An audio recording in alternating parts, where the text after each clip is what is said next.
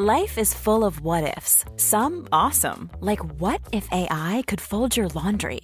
And some, well, less awesome, like what if you have unexpected medical costs? United Healthcare can help get you covered with Health Protector Guard fixed indemnity insurance plans. They supplement your primary plan to help you manage out of pocket costs. No deductibles, no enrollment periods, and especially no more what ifs. Visit uh1.com to find the Health Protector Guard plan for you. Quality sleep is essential. That's why the Sleep Number Smart Bed is designed for your ever evolving sleep needs. Need a bed that's firmer or softer on either side? Helps you sleep at a comfortable temperature? Sleep Number Smart Beds let you individualize your comfort so you sleep better together. JD Power ranks Sleep Number number 1 in customer satisfaction with mattresses purchased in-store. And now, save 50% on the Sleep Number limited edition Smart Bed for a limited time. For JD Power 2023 award information, visit jdpower.com/awards. Only at a Sleep Number store or sleepnumber.com. This is Paige, the co-host of Giggly Squad, and I want to tell you about a company that I've been loving, Olive and June. Olive and June gives you everything that you need for a salon quality manicure in one box. And if you break it down, it really comes out to $2 a manicure, which is absolutely insane. It's also so easy to get salon worthy nails at home with Olive and June. The difference between how your nails used to look when you did them yourself and now with the Manny system is a complete game changer. The best thing about Olive and June too is it's a quick dry, dries in about one minute, lasts for five days, and full coverage in up to one to two coats. Visit oliveandjune.com slash perfect Manny 20 for 20% off your first system. That's oliveandjune.com slash perfect Manny 20 for 20% off your first system system. Ryan Reynolds here from Mint Mobile. With the price of just about everything going up during inflation, we thought we'd bring our prices down. So to help us, we brought in a reverse auctioneer, which is apparently a thing. Mint Mobile unlimited premium wireless. Ready to get 30, 30, bit to get 30, bit to get 20, 20, 20, bit to get 20, 20, bit to get 15, 15, 15, 15 just 15 bucks a month. So, Give it a try at mintmobile.com slash switch. $45 upfront for three months plus taxes and fees. Promo rate for new customers for limited time. Unlimited more than 40 gigabytes per month. Slows. Full terms at mintmobile.com. I'm amazed how many people own stocks. They, they would not be able to tell you why they own it. They couldn't say in a minute or less why they own it. Actually, you really press them down, they'd say, the reason I own this is the sucker's going up. There's enough cash in the financial system, and there's an infinite amount of cash at the Federal Reserve. An infinite amount Put of cash. Put that check in a money market mutual fund. Then we'll reinvest the earnings into foreign currency accounts with compounding interest, and it's gone. So they had to do something. All they had left was just to print money and start buying things. And that's what they did. Quick buck artists come and go with every bull market, but the steady players make it through the bear market. They say money can't buy happiness. Look at the fucking smile on my face. Hej och välkommen till ett nytt avsnitt av Market Makers med lite härlig whiskyröst idag. Jag får skylla på sjukdom. Den kommer ju väldigt lägligt här också. Jag ska springa ett lopp på lördag och eh, vi spelar in då på, det var ett tisdag kväll idag faktiskt på grund av lite olika orsaker. Eh, här sitter jag med en, en förkylning som inte går bort och på lördag ska jag ut och tävla. Så det, det känns lite sådär. Hur är läget med dig Fabian? Är du, är du frisk eller har du några whisky i kroppen? Ja, jag är frisk, du vet. Jag har tagit av mig brallorna som vanligt. Man ska ju alltid podda i kallingar. Det är då man har bäst fokus. det är tur att kameran bara filmar in överdel. Exakt. Nej, men se, se, segt med förkylningen där, men det är väl bara, bara att köra på vad det värsta som kan hända. Hjärtinflammation, det är väl okej. Ja, men precis. det, kan ju bli ganska allvarliga konsekvenser faktiskt. Jag tror att det var så det började. Ja, det här är totalt ointressant för lyssnarna, men jag tror det var så det började. att Jag, jag var tränad och kände jag lite i halsen och sen var det ju betydligt värre efter det. Strunt samma, det är inte det vi ska prata om i veckans avsnitt. Vi är ju inte en sån här podd som håller på och pratar så mycket allmänt om vad som har hänt i våra liv i veckan som en del gör. Jag känner ju några här, inga namn nämnda, eh, som gör två timmars poddar och, och börjar de alltid med 20 minuter, vad har hänt i veckan? Och pratar volleyboll och ungarnas fotbollslag. Och, ja, det, i, I min värld så är inte det, det är därför man lyssnar på podden. Oj, storsågning här! Storsågning. Da- da- dag- Dags att göra ovänner i, i Sveriges finansvärld. Ja, nej, men ingen vet ju vilka jag pratar om. Ingen nämnd, ingen glömd. Vi ska prata om Credit Suisse. Det kommer ju såklart bli så. Det kanske blir lite kortare avsnitt idag också på grund av eh, det, här sjukdomen och lite andra skäl. Men Credit Suisse, vi måste ju såklart följa upp det. Vi pratade i förra veckan om eh, Silicon Valley Bank och den här bankkrisen som var stundande. Då nämnde jag bland annat att Credit Suisse nu också hade kommit ut med lite, lite orosmoln och ja, i veckan har de helt, de har ju köpts upp helt enkelt. Det ska vi prata om. Ja, det, och det är ju väldigt, väldigt kul här att eh, studera om det finns någon systematisk risk. Åh, oh, snyggt! Det brukar jag som står för de där. Nej, så kommer det bli lite kommentar kring EG7, kanske lite sen på bollen här, men vi ska kommentera den lite grann. Eh, det vart ju inte så kul med den rapporten. Vi kommer prata om lite andra grejer, bland annat lite lärdomar från Joel Greenblatt också, en av våra favoritinvesterare. Och med det så ska vi köra igång dagens avsnitt, men innan det vill vi påminna om att det inte är någon rådgivning eller rekommendation. Vi berättar om vår process, hur vi tänker, gör alltid en egen analys och glöm aldrig att alla investeringar är förknippade med risk. Ja, vi hoppar väl direkt in på veckans tre snabba. Och jag tänkte faktiskt följa upp på ett ämne, Fabian, som vi pratade om. Det var du som pratade om det för typ hundra avsnitt sedan. Jag hittade inte exakt vilket avsnitt det var. Då pratade du om ett, någonting som kallades för Ghost Kitchens, eller Cloud Kitchens försökte man kalla det också, för att det skulle vara lite coolt med molnet och sådär. Men Ghost Kitchens är väl det som har fastnat. Och börja med, kan, vill du inte förklara för, för lyssnarna, vad var en Ghost Kitchen för någonting egentligen, för de som har glömt det? Jo, absolut. Eh, en av de dyraste liksom, delarna av en restaurang är ju såklart lokalen och eh, personalen. Och eh, vad ska man göra då för att spara pengar? Ja, det är ju att slopa lokalen och slopa majoriteten av personalen. Så det du har i stort sett är ju bara liksom, kockarna och eh, sen skickar du ut maten som hemleverans eh, och ofta via Deliveroo eller liknande så anställer inte någon att göra det. Och därmed blir ju liksom hela den här verksamheten mycket mer lönsam än vad det tidigare var. Oftast är det ju så att du också har ett kök för flera så kallade restauranger. Eh, och egentligen bara ett kök, de kallar sig olika saker, olika typer av eh, liksom, mat och teman och liknande. Precis. Men det är sa, sa, samma kockar, jag har sett någon Ghost Kitchen, är, de har hundra restauranger. Eh, det här är ju Kalifornien, 100-200 restauranger, eh, samma kockar gör samma mat skickar ut samma liksom, hamburgare fast det är på 12 olika så kallade restauranger. Det är rätt, rätt roligt. Ja, precis. Och det är faktiskt precis den biten jag tänkte prata lite grann om. För jag minns när du pratade om det där, så såg jag inte riktigt börskopplingen till det kanske. Lite intressant koncept. Jag tycker dock inte man stött på det så mycket, men det är mycket mer vanligt i USA, kanske också i England och sådär där du är. Eh, men det som var intressant egentligen med det här, för som du säger, man behöver då inte spendera lika mycket pengar på sitt kök och så vidare. Men det finns en annan vinkel också som jag inte tror att vi tog upp då, men som man har sett nu har blivit realitet. För att innan trodde jag att, mest att ja, men det här är liksom specifika restauranger som gör någonting och så har de ingen serveringsdel helt enkelt, utan de kör bara liksom leveranser. Men det här är ju faktiskt också ett sätt för kanske lite utdaterade eller liksom lite halvtråkiga märken att eh, branda om sig också. Det finns ju möjlighet just att branda om sig genom, som du säger, att skapa flera nya nya märken fast i samma restaurang. Eh, och, och, det här såg jag just för att bland Dennis, alltså Dennis, den här snabbmatskedjan i USA, den kan man väl knappast säga att det är liksom någon förstklassig snabbmatskedja. Och det finns ju massa andra, IHOP och Applebee som bland annat ägts av eh, börsnoterade Dine Brands. Ja, Dennis eh, går ju till att käka på klockan fem på morgonen när du varit ute på en riktigt redig utekväll och du har tre blåtiror du inte vet var de kommer ifrån. Eh, det är då du går till Dennis och klä, klä, klämmer en stabil frukost.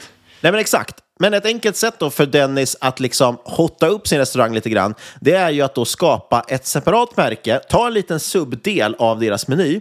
Eh, vi kan ta ett annat exempel. IHOP till exempel, eh, som är en annan sån här snabbmatskedja. De har ju grilled cheese-mackor, alltså såna här, ja, mackor med ost helt enkelt. Varma mackor. Eh, Varma mackor, precis. De har ju redan det på sin meny sedan tidigare. Men det är ingen som scrollar in i foodora appen eller Volt eller Uber Eats eller vad ni har och tänker att oh, jag ska beställa en IHOP-macka eller en Dennis-macka.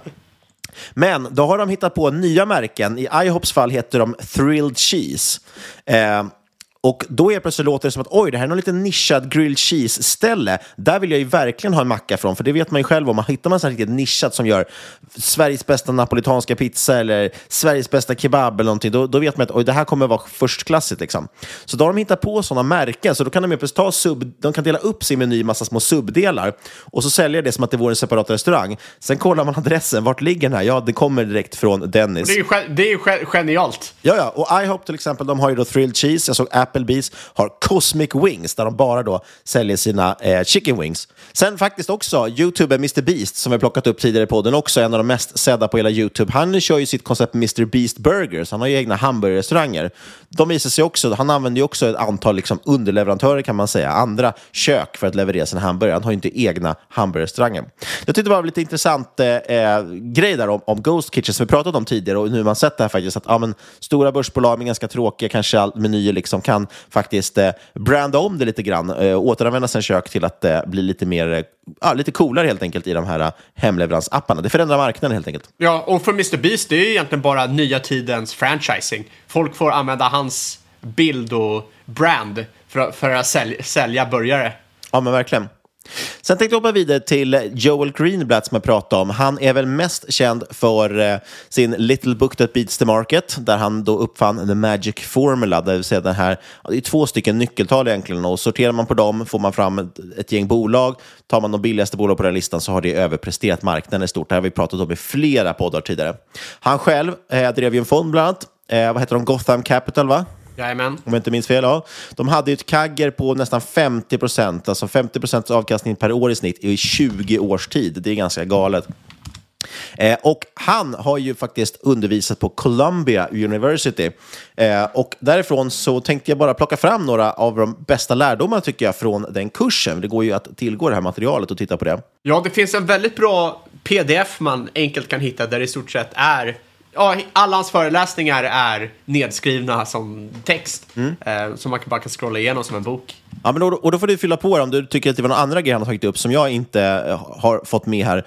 Eh, jag tänkte hålla det ganska kort då, men för det första tycker jag att hela grunden egentligen i hans kurs, det handlar egentligen om att, eh, alltså grundprincipen handlar om att det är värdeinvestering, att du ska köpa ett bolag till rabatt. Om du köper ett bolag till rabatt, alltså till ett lägre värde än vad den handlas till, så kommer du över tid att tjäna pengar. Det är liksom hela grundbulten egentligen, och den är ju knappast ny eh, för någon som lyssnar varken på den här podden eller något annat inom finans.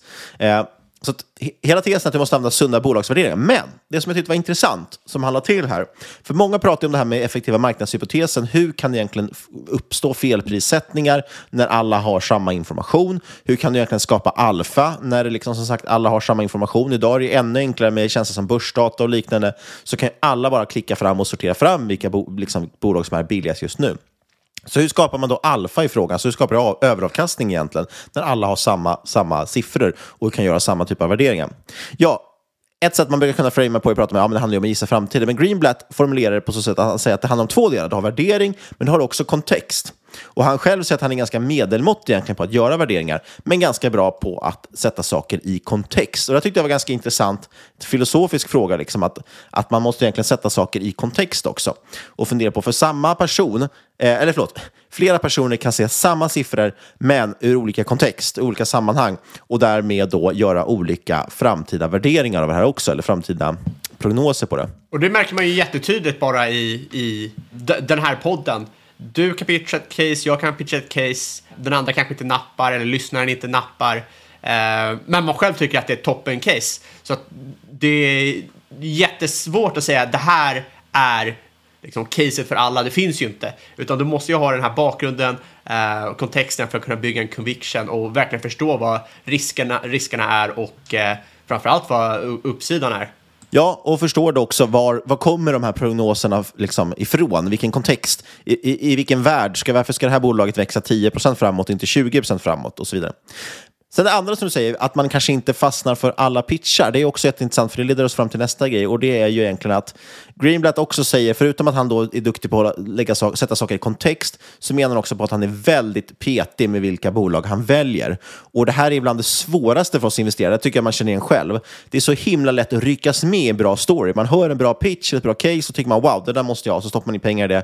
En vecka senare eller en månad senare så går den ner lite i axeln och så funderar man på varför köpte jag det där egentligen? Och så har man inte riktigt koll på läget. Eller så hittar man en ny, mer spännande story, så hoppar man vidare på det. Och det är väldigt lätt då att börja förlora pengar om man helt enkelt hoppar från tuva till tuva. Och det Greenblatt säger, det man ska göra, man måste vara extremt petig och framförallt hålla det enkelt.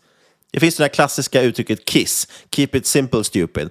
Eh, man ska hålla det väldigt enkelt. Du ska titta på enkla bolag, bolag som är lätta att prognostisera eh, och så köper de när de verkligen är ett fynd. Även fast du väldigt gärna vill, det hamnar jag ofta i tycker jag, att man ser någonting, räknar på det och säger ah, det är inte superbilligt, men det är helt okej. Okay. Och så känner man, men jag vill så gärna köpa det för jag tycker det verkar så intressant. Eller att det är så mycket tid på research idag vad som helst. Eh, men man måste verkligen hålla sig där och vara lite pragmatisk och vänta sig. Nej, om det inte är billigt så är det inte billigt. Där är liksom, det är inte så konstigt att Buffett är en av de rikaste i världen, för det är det som han är kung på, känns det som. Han kan ju verkligen sitta på händerna och bara vänta på att någonting ska ske. Det är som lite nu med alla de här bankerna som faller, så har det ju skämtats ner. Så du la ut något häromdagen, bland annat, till exempel, om att Buffett sitter väl bara redo nu och väntar på att alla de här regionala bankerna ska komma och be om pengar. Han sitter ju på en enorm kassa, eh, tillräckligt i princip för att köpa upp var det, halva Stockholmsbörsen eller om det var hela Stockholmsbörsen.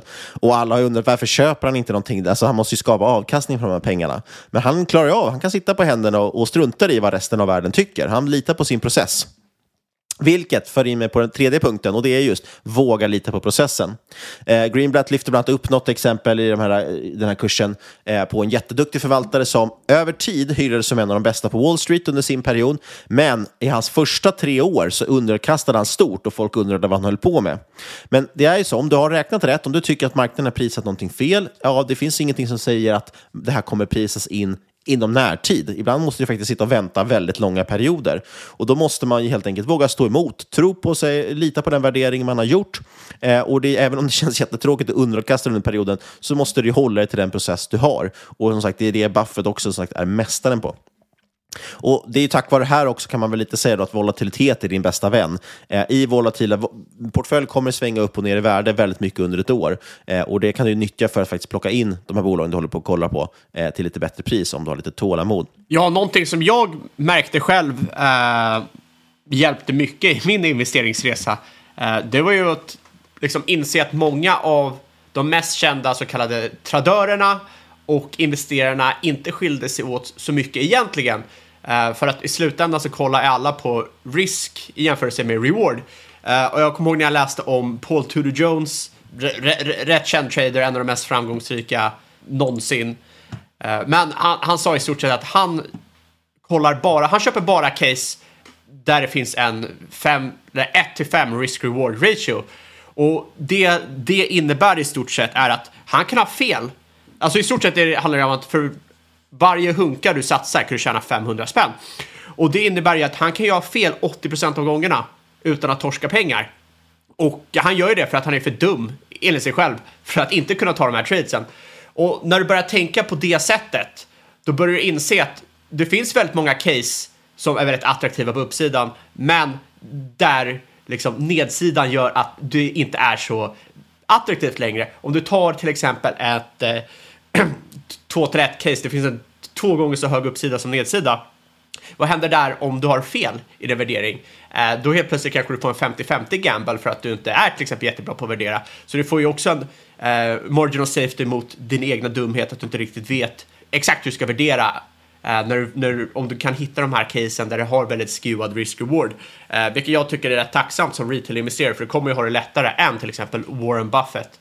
Eh, men sen, sen man börjar liksom tänka på det sättet eh, och framförallt börja ranka case efter just risk-reward, då tycker jag att det blir mycket lättare att sortera ut um, vilka case man ska ha kvar i portföljen versus vissa som ska ut. För förut var jag väldigt mycket så i alla fall att hitta case, Uh, de såg jävligt intressanta ut, bra uppsida, köper. Men sen kommer nästa case. Vilket ska man hålla kvar? Båda ser ut att vara relativt lika bra. Uh, man var inte lika säker på hur man skulle utvärdera uh, nedsidan. Ehm, och då, då, gör det att det blir väldigt svårt att gallra. Eh, och det blir mest att du hoppar från tuva till tuva utan att du kanske riktigt kommer någonstans. Men om du konstant fokuserar på vad är best risk reward här, då kommer du ju minimera eh, dina förluster och matematiskt så kommer du ju avkasta väldigt bra över tid. Precis, jag hade inte tänkt ta upp den pucken, men, men just den biten nämner ju även Greenblatt just med asymmetriska bets, som är ett annat sätt att uttrycka på. Ju. Det vill säga att, att som du säger, reward, alltså upp, potentiell uppsida ska ju vara betydligt högre än, äh, än nedsidan. Och det där tror jag överlag, det har vi pratat också om tidigare, men många är ju väldigt fokuserade på uppsida. Därav att förhoppningsbolag och så vidare är så himla populärt. Många tittar på dem och säger att oj, det här skulle kunna gå hundra gånger pengarna liksom, om de bara lyckas.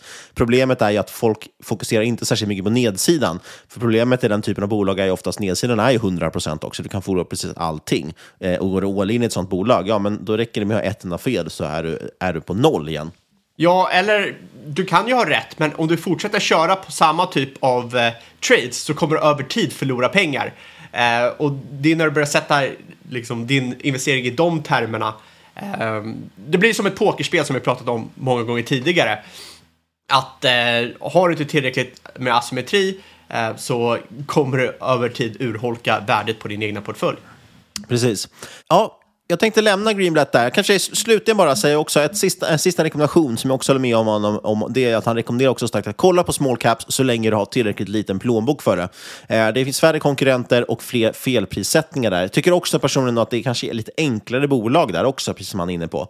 Eh, att man ska hitta lätta bolag. Eh, sen är det ju så att de flesta som kommer upp till large cap gör ju oftast det kanske för att de har tvingats dit helt enkelt för att eh, man har, det har gått för bra helt enkelt. Absolut. Jag, Lite som Buffett, återigen, hans situation. jag tycker att ett misstag som många nybörjare, äh, nybörjare gör och blir rådgivna att göra är att kolla på stora bolag på stora börsen. Eh, och många tänker, ja, ah, det är antingen de eller de här förhoppningsbolagen. Men det är ju inte så. Det finns jättemånga eh, mindre fantastiska bolag, men de är lättare att förstå, de är inte lika komplicerade, eh, du kommer ha mycket liksom, större resa kvar, eh, de kommer vara, du kommer ha större asymmetri i de här betsen för att ingen annan sitter och kikar på dem. Eh, jag tror ju själv, hade jag satsat på det hade min portfölj varit dubbelt eller trippelt så som den är idag. Man har lagt alldeles för mycket tid på att kolla på de här eh, stora bolagen som är alldeles för genomlysta där du egentligen inte har, har någon edge. Nej, och där tror jag du belyser något jätteviktigt just när du säger att folk tror att det är ant antingen är det large cap i form av typ Investor eller Apple och Google på andra sidan Atlanten, eller så tror man att small cap är förhoppningsbolagen. Men, men det, det finns ju ett jättestort spektrum däremellan som du säger. Man behöver inte gå hela vägen ner till de absolut minsta bolagen, för där är det tyvärr väldigt mycket eh, väldigt, väldigt osäkra bets. Det finns säkert intressanta grejer också, men eh, börjar istället kolla typ i small cap och mid cap-listan, då hittar du extremt mycket som ändå är, kan vara stabila bolag med lite historik. Eh, men som inte är som sagt large cap och inte de största, mest genomlysta bolagen. Och vi har ju också pratat om det mycket i podden, att vi gillar den här lite grann, runt miljarden i börsvärde i Sverige. För någonstans där har, under miljarden så, så har fonderna oftast inte hittat dit för att de inte kan. Liksom. Eh, de är för stora helt enkelt. Ja. Vilket också gör det ganska intressant då, eh, att kunna komma in före dem kanske. Jag tycker det är intressant det, det Kap säger. Om jag har förstått dem rätt så de handlar ju mycket midcap, men enligt dem själva eh, är det ju bara för att de tvingas. för att de har mycket tjän. Eh, och hade ju hellre liksom gått på mindre bolag om de kunnat. Om jag inte missförstår det. Ja, jag vet inte, men precis. Men de ligger väl också, de, jag tror att de ligger över den gränsen. De pratar ju också om, eh, de pratar ju ofta tror jag, om 10 miljarder i börsvärde eller någonting. Men det, det är just en, samma princip egentligen, att man vill hamna i de här mellanstora bolagen som ändå har lite historik, de är lönsamma.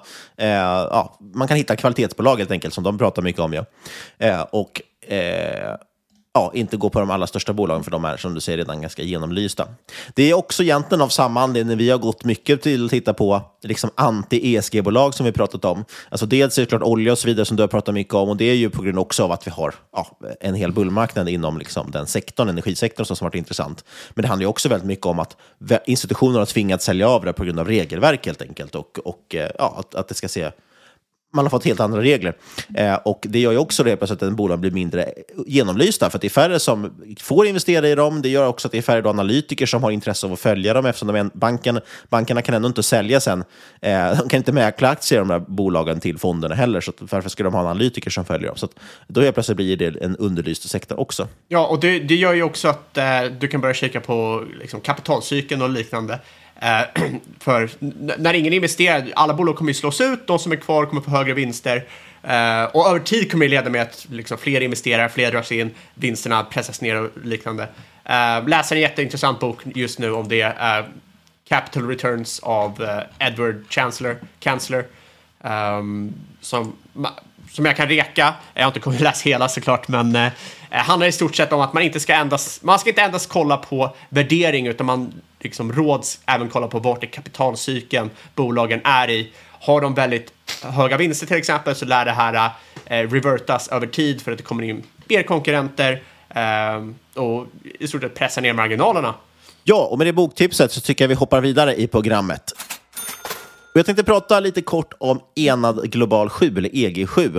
Eh, en liten kommentar här i samband med rapporten som kom och som varit en rejäl besvikelse. Och det här gör vi i samarbete med vår sponsor Affärsvärlden. Affärsvärlden har en analys av EG7 som kommer i samband med rapporten, som jag tyckte var rätt intressant. Och... Eh, det intressanta är också är som sagt att, att eh, aktien följer väldigt mycket. Det var väl 20 procent eller någonting på rapportdagen. Väldigt många, inklusive jag, var, eh, var positionerade inför rapporten. Man trodde att My Singer Monsters, det här eh, spelet, tio år gamla spel som har blivit en TikTok-succé, skulle bli väldigt eh, bra helt enkelt. Och det var bra också och det har varit bra kvartalet innan det också. Men det var lite annat som tyngde helt enkelt resultatet. Och trots detta då, så har faktiskt Affärsvärlden i sin nya analys av bolaget gett en köprek till det här. Och då är det lite intressant att fundera på varför har de gjort det? Jo, mycket har ju hänt egentligen i det här bolaget på senaste och de går igenom det lite mer i detalj i analysen, så det här blir korta versionen av det. Eh, det har gått egentligen från att vara ett bespottat gamingbolag, tidigare hette de ju Toadman Interactive och har väl inte, hade väl inte jättehögt anseende, till att nu blir den här TikTok-succén på sin My Little Single Monsters. Men nu skriver man av massvis med grejer och går egentligen då från det till också att bli en stabil verksamhet med lönsamhet i fokus. Och det är det affärsvärlden riktat in sig på och tycker är intressant och som egentligen gör att av den här rapporten, när man tittade på den på dagen så såg det inte så kul ut. Men tittar man på det lite längre sikt så var det nog kanske kloka saker att göra, även om det ja, var tråkigt då för alla aktieägare såklart. Som sagt, det har varit en stökig resa. Eh, Toadman Interactive, som sagt hette det från början, då hade de ju också mycket mer egna bolag, eller egna spel som de utvecklade. Sen, liksom eftersom Embrace gick så bra, då skulle ju alla bli förvärvsbolag. Det var ju verkligen serieförvärvar-hås eh, ett tag på börsen. Det har man nästan glömt bort nu, men alla skulle vara serieförvärvare. Och det skulle även Toadman Interactive vara, för då de bytte namn till Enad Global 7. Eh, men det har ju liksom lite grann, ja nu ska ju det ut igen, eh, så att säga.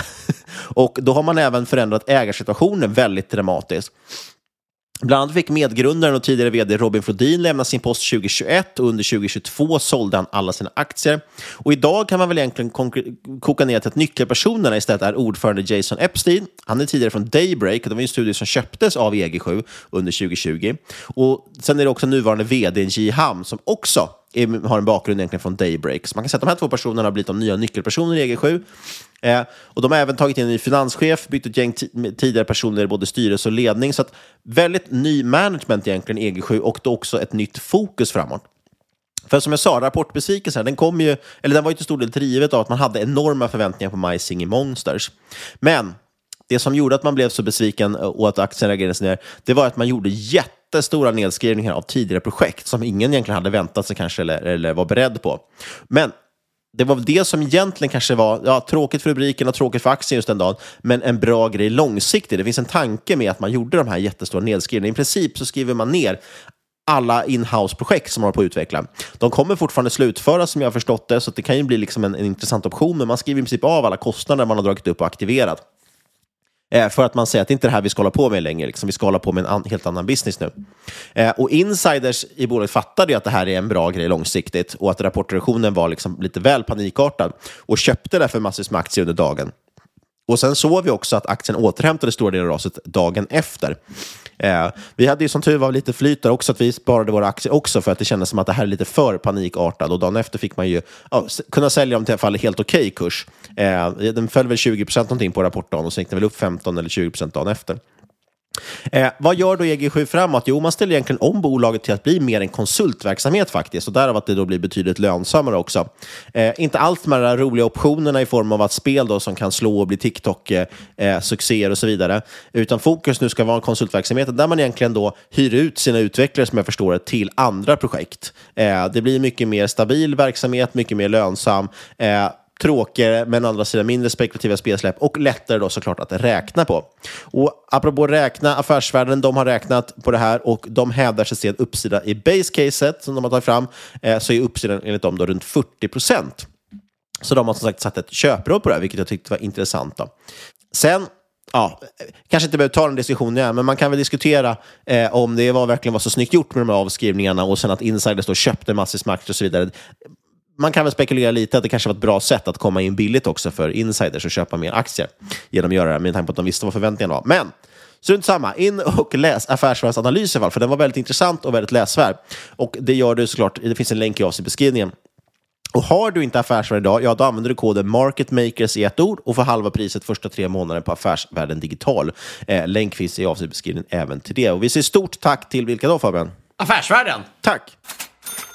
Ja, Förra veckan snackade vi SVB, Silicon Valley Bank. Uh, denna vecka blir det lite Credit Suisse. Just det, en riktig kvalitetsbank. Exakt. Mwah! Uh, det är mycket action på marknaden nu. Uh, varför ska man sitta och leta case där man kan sitta och prata om nyheter som man kan ha glömt bort om en, liksom, en månad eller ett år istället?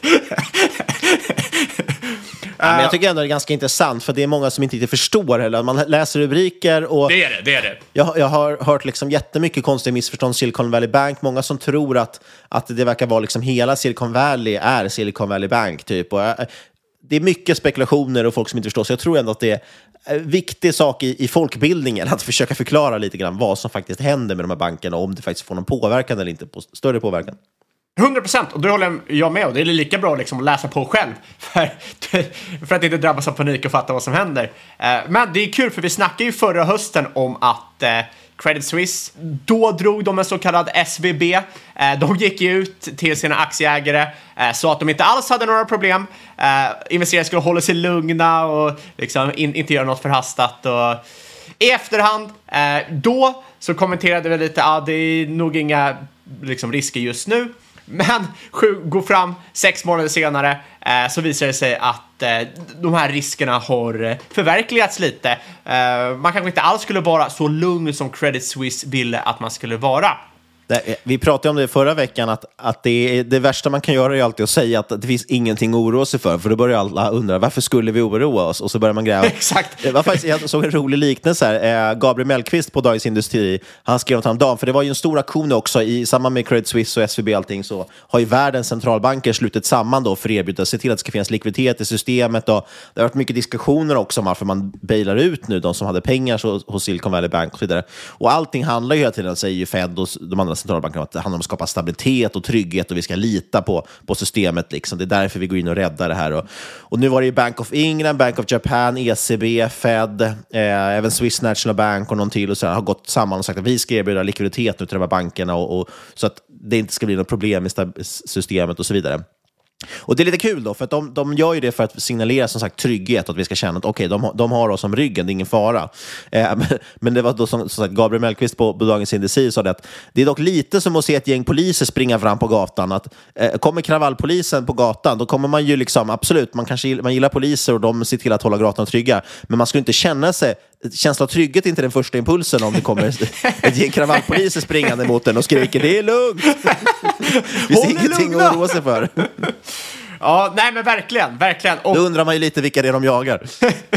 och eh, Bloombergs eh, Matt Levine, som är en eh, svinbra kolumnist, han, han skrev nyligen att banks are speculative investment funds graft on top of critical infrastructure. Och på svenska innebär det ju att eh, banker älskar att spekulera, men eh, de är ju också liksom, kritisk infrastruktur från vårt samhälle. Och vad är resultatet här? Jo, de kräver ju subvention och likviditet under hot eh, om ekonomisk kris som kommer påverka alla. Ja, och de skapar alltid krisen hela tiden. Exakt, och med tanke... Det är ju faktiskt, man kan ju faktiskt bli galen på banker. Nu ska jag inte försvinna iväg på den tangenten, men man blir ju galen på banker. Just som du säger, för det är en kritisk infrastruktur. Det är därför Fed och alla går in och backar dem hela tiden. Men man blir ju galen på att de som söker sig dit också hela tiden skapar de här kriserna. Exakt, det är en typ av, det är som med politiker, det är en typ av människa som vill bli politiker. Men liksom med tanke på hur man sköter det här med SVB och med Credit Suisse och som vi ska gå igenom lite i avsnittet. Um, för SVB så har man ju, och i USA bland annat, har man ju effektivt sett tagit bort den här capen för insättningsgaranti. Liksom, alla ska ju få tillbaka sina pengar. Uh, man tillåter lån med påhittade tillgångsvärderingar, så man, man ska kunna värdera alla tillgångar till par för att få likviditet. Eh, så det är rätt tydligt här att de här hoten fungerar från bankerna. Men precis, bankerna tar för stor risk och när det skiter sig och de inte tjänar pengar på det, då hotar de med att världen kommer gå under och då får de hjälp. Det kommer, kommer stoppa på staten och rädda dem. Exakt, men tillbaka till Credit Suisse. Ehm, det här är väl kanske inte liksom jättenyhet eh, att Credit Suisse är en, var en liten skitbank egentligen. Eh, liten var den väl inte, men det var en skitbank. Eh, de har ju trots allt gått från att vara en topp 10 bank i termer av market cap till topp 200-ish. Eh, liksom innan förra veckan och allt det som hände. Eh, nu slutet satt de väl på en market cap om cirka 7 miljarder dollar eller något sånt. Liksom småpotatis. Ja, men det är väl ungefär, det är inte ens, det är inte ens dubbelt upp mot Nordnet tror jag, börsvärde. Exakt, och, där, och liksom, den här banken... Inget ont om Nordnet, men, Nej, men det är lite skillnad i storlek. Nordnet är inte stämplad som en liksom, global, systematiskt eh, viktig bank som skulle liksom, få hela världsekonomin att rasera om det gick under. Eh, men banken har ju haft problem i hur många år som helst. Eh, liksom ett smeknamn för Credit Suisse var ju Debit Suisse för att de bara eldar upp pengar. Eh, så det, det är inte heller jätte, jätteförvånande att det här hände liksom, det är en av de bankerna man, man, man, man bara, ah okej, okay, Credit Suisse, ah, makes sense. Verkligen. Och det var ju flera stycken som spekulerade redan innan det hände att undrar om det är Credit Suisse som är nästa att, att falla. Ja, men ska vi gå in lite på vad som hände med Credit Suisse då? Den stora skillnaden mellan eh, SVB och eh, Credit Suisse är att medan SVB fick en likviditetskris som vi pratade om förra veckan så föll ju Credit Suisse helt enkelt för att, som vi sa, ett jäkla kastbolag. De vet inte hur man sköter en bank. De har haft extremt många skandaler senaste året. Eh, det var pengatvätt, det var spionering, det var data leaks, Eh, de har varit involverade i eh, Archegos och Greensill. liksom Archegos var den här fond, tokstora fonden som liksom eh, blew up, förlorade jättemycket pengar. Så att liksom, trots att de har varit med på alla de här footprints-grejerna har de ändå inte lyckats vara lönsamma. Man tycker att om du ska hålla på med kriminalitet och liknande, liksom tjäna lite pengar på det. Det är helt galet. Credit Suisse, de har ju försökt göra en turnaround. Eh, anställde en ny vd för något år sedan, sålde av sin investment banking-avdelning, reste lite pengar från Saudi. Men de lyckades ju inte vända skutan. Eh, och det som egentligen blev deras liksom, slutgiltiga undergång, spiken i kistan, var ju när man skulle släppa senaste rapporten. Mm. Inte bara kunde man liksom släppa rapporten, man var ju tvungen att senare lägga den, första varningstecken, och sen rapporterade man, eller man flaggade att eh, det fanns liksom problem med rapporten innan den släpptes. Eh, det här gillade ju inte marknaden och sen när marknaden läste rapporten så blev de inte mycket gladare för att eh, ja, Credit Suisse, de gick ju, de rapporterade en förlust om strax över 7 miljarder eh, frank och en schweizisk frank är väl ungefär värderad som en dollar, eh, om jag inte misstar mig. Eh, så typ 7 miljarder dollar. Eh, och man hade även utflöde på 140 miljarder från sin Wealth Management-avdelning under fjärde kvartalet 2022. Och det här är alltså en tredjedel av all liksom, deras Wealth Management-kapital de hade flödar ut på ett enda kvartal. Eh, och det var väl typ deras bread and butter nu för tiden när de gjort sig med sin IB-avdelning. Så att, eh, ja, marknaden reagerade inte positivt på det här. Eh, aktien såldes väl ner som mest 28 procent den dagen eh, och då var det ner 75 procent på ett år. Och visar ju att ja, det här var ju inte kvalla i det här bolaget. Obligationer, de följer ner till riktigt distressade nivåer. De låg väl och guppade där 80-90 cent på dollarn innan. Föll väl så lågt som 60 cent beroende på vilken man kikar på. Och framförallt så triggar det en jäkligt otrevlig nedgång i bankoindex i resten av Europa. Jag fick erfara det, för det gjorde jätteont om stjärten dagen efter. Men eh, har man ju återhämtat sig efter, vilket är skönt. Eh, pricken över it eh, var ju den storägaren eh, Southern National Bank, eh, som var de som alltså köpte in sig ett år tidigare, fick förfrågan i en intervju om de var sugna på att öka sin position i Credit Suisse. och svaret var absolutely not. och det är något vi ska säga i sånt här läge, då är det inte absolutely not. Han försökte ju fixa det här genom att sen säga, ja ah, men det är på grund av eh, regleringar och eh, liknande saker. Men skadan var ju redan skedd där. Eh, så att, liksom, kontentan här, är du i en sån här situation framöver, var lite försiktig med hur du uttrycker dig. För du kan få den här bank att fallera. Ja, jag tror att eh, för övrigt Saudi, Saudis nationalbank har ju förlorat, räknar man väl, över en miljard dollar på sin eh, Credit Suisse-investering. Så det var ju ganska rätt tråkigt. Den får ju nästan, nästan, eh, eh vad heter det? får ju nästan Alektas förlust i SVB och, och se lite mildare ut. Ja. Men eh, ja. Alecta gick ju ut nu och, och, sa att de hade sålt hela sin position i First National Bank, var väl den banken. Ja, First den, den Republic 6, Bank. First Republic Bank, förlåt. Och den var upp 60 procent idag, så det kanske de inte skulle ha sålt. Ja, men de, de, de, de, exakt, de sålde den till en förlust på 700 miljoner dollar.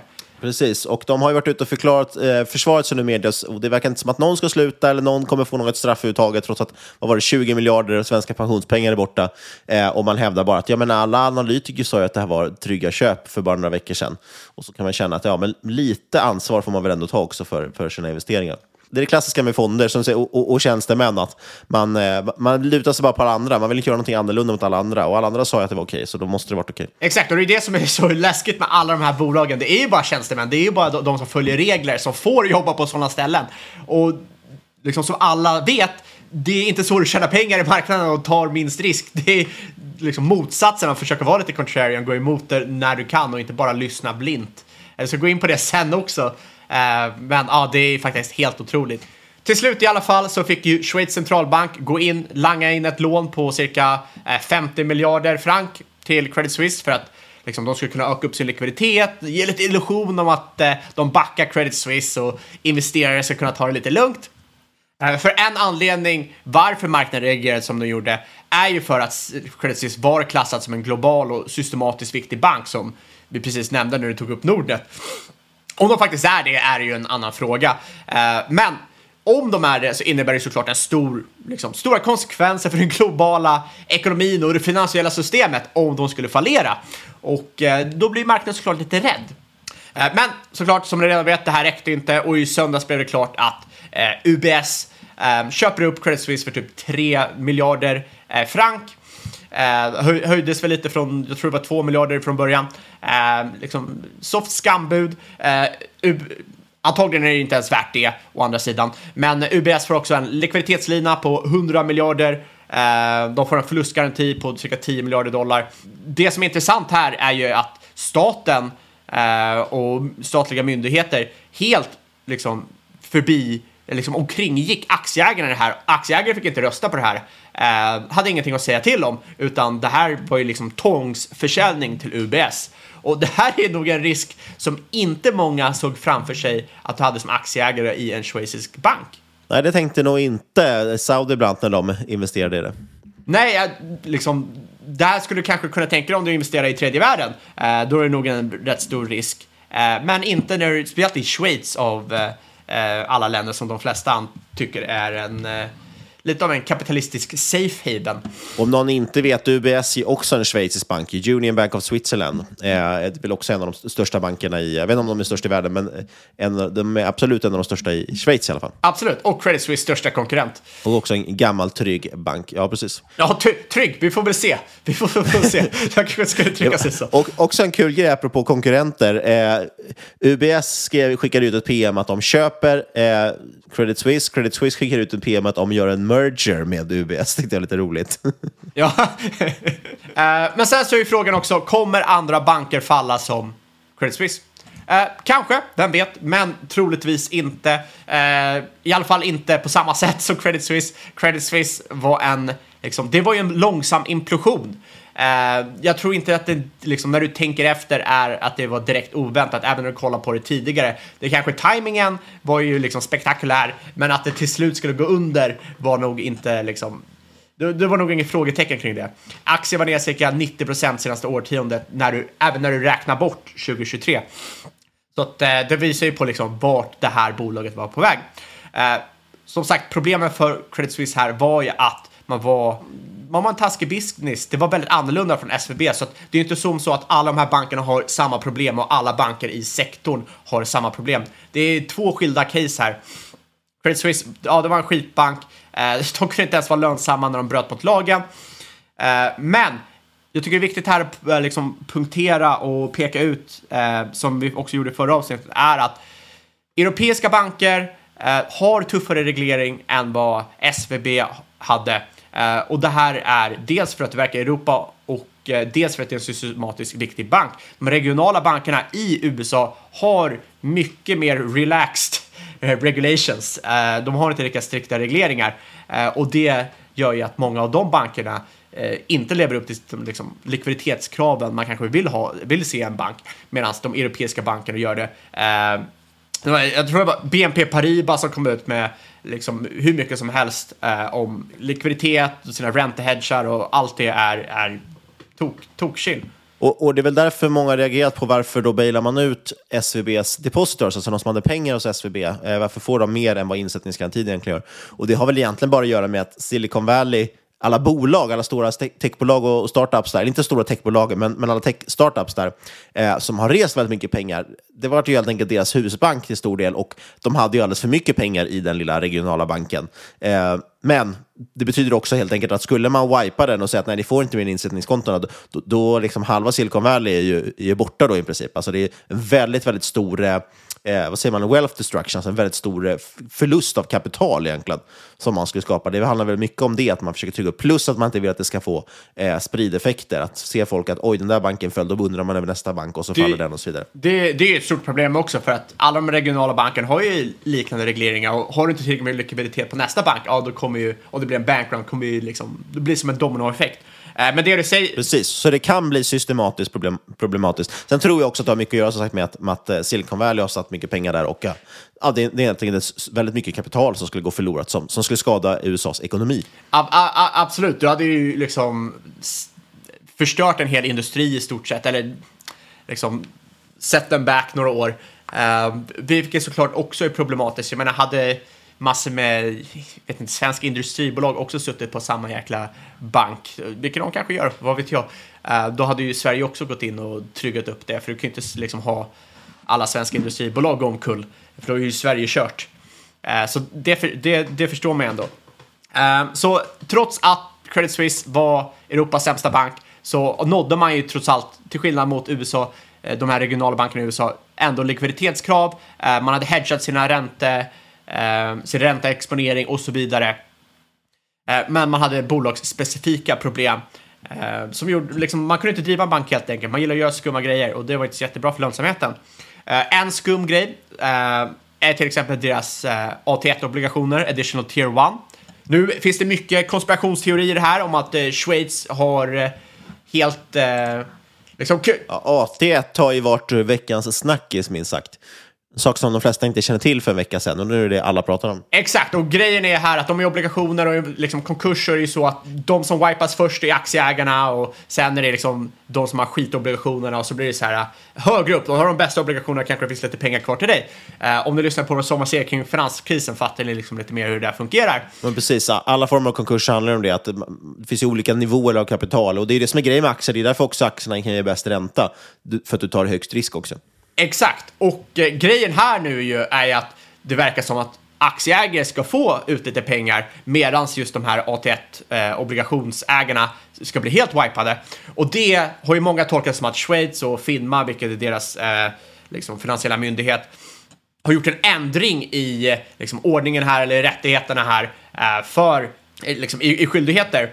Men det är inte alls sant, för i prospektet och i diverse presentationer om fixed income på Credit Suisse hemsida står det rätt tydligt att de här AT1-obligationerna kan eventuellt wipas innan equity. Uh, så det, det, det, är, det är väldigt skumt. Det är inget att förvänta dig. Och jag förväntar inte dig att en retail-investerare ska liksom sitta och läsa sådana här prospekt och förstå det. Men är du en institution och får några millar i lön för att liksom investera i det här, då kanske du ska läsa prospektet. Då kanske du ska ha koll på det och inte bara Oj, jag trodde det var som allt annat. Ehm, det, det, den, är, den, är rätt, den är rätt irriterande. Det blir som hela Alecta-grejen fast för andra institutioner. De, de har inte gjort någon DD, men sitter ändå där och harvar hur mycket pengar som helst. Men som sagt, den stora risken som många ser är väl att det eventuellt skulle kunna bli någon typ av contation. Uh, ehm, du vet ju inte vad Credit Suisse har på böckerna eller vad någon annan eh, har för Credit Suisse-tillgångar på böckerna vad, jag, vad jag har läst mig till så är det många som har sänkt sin exponering mot Credit Suisse senaste åren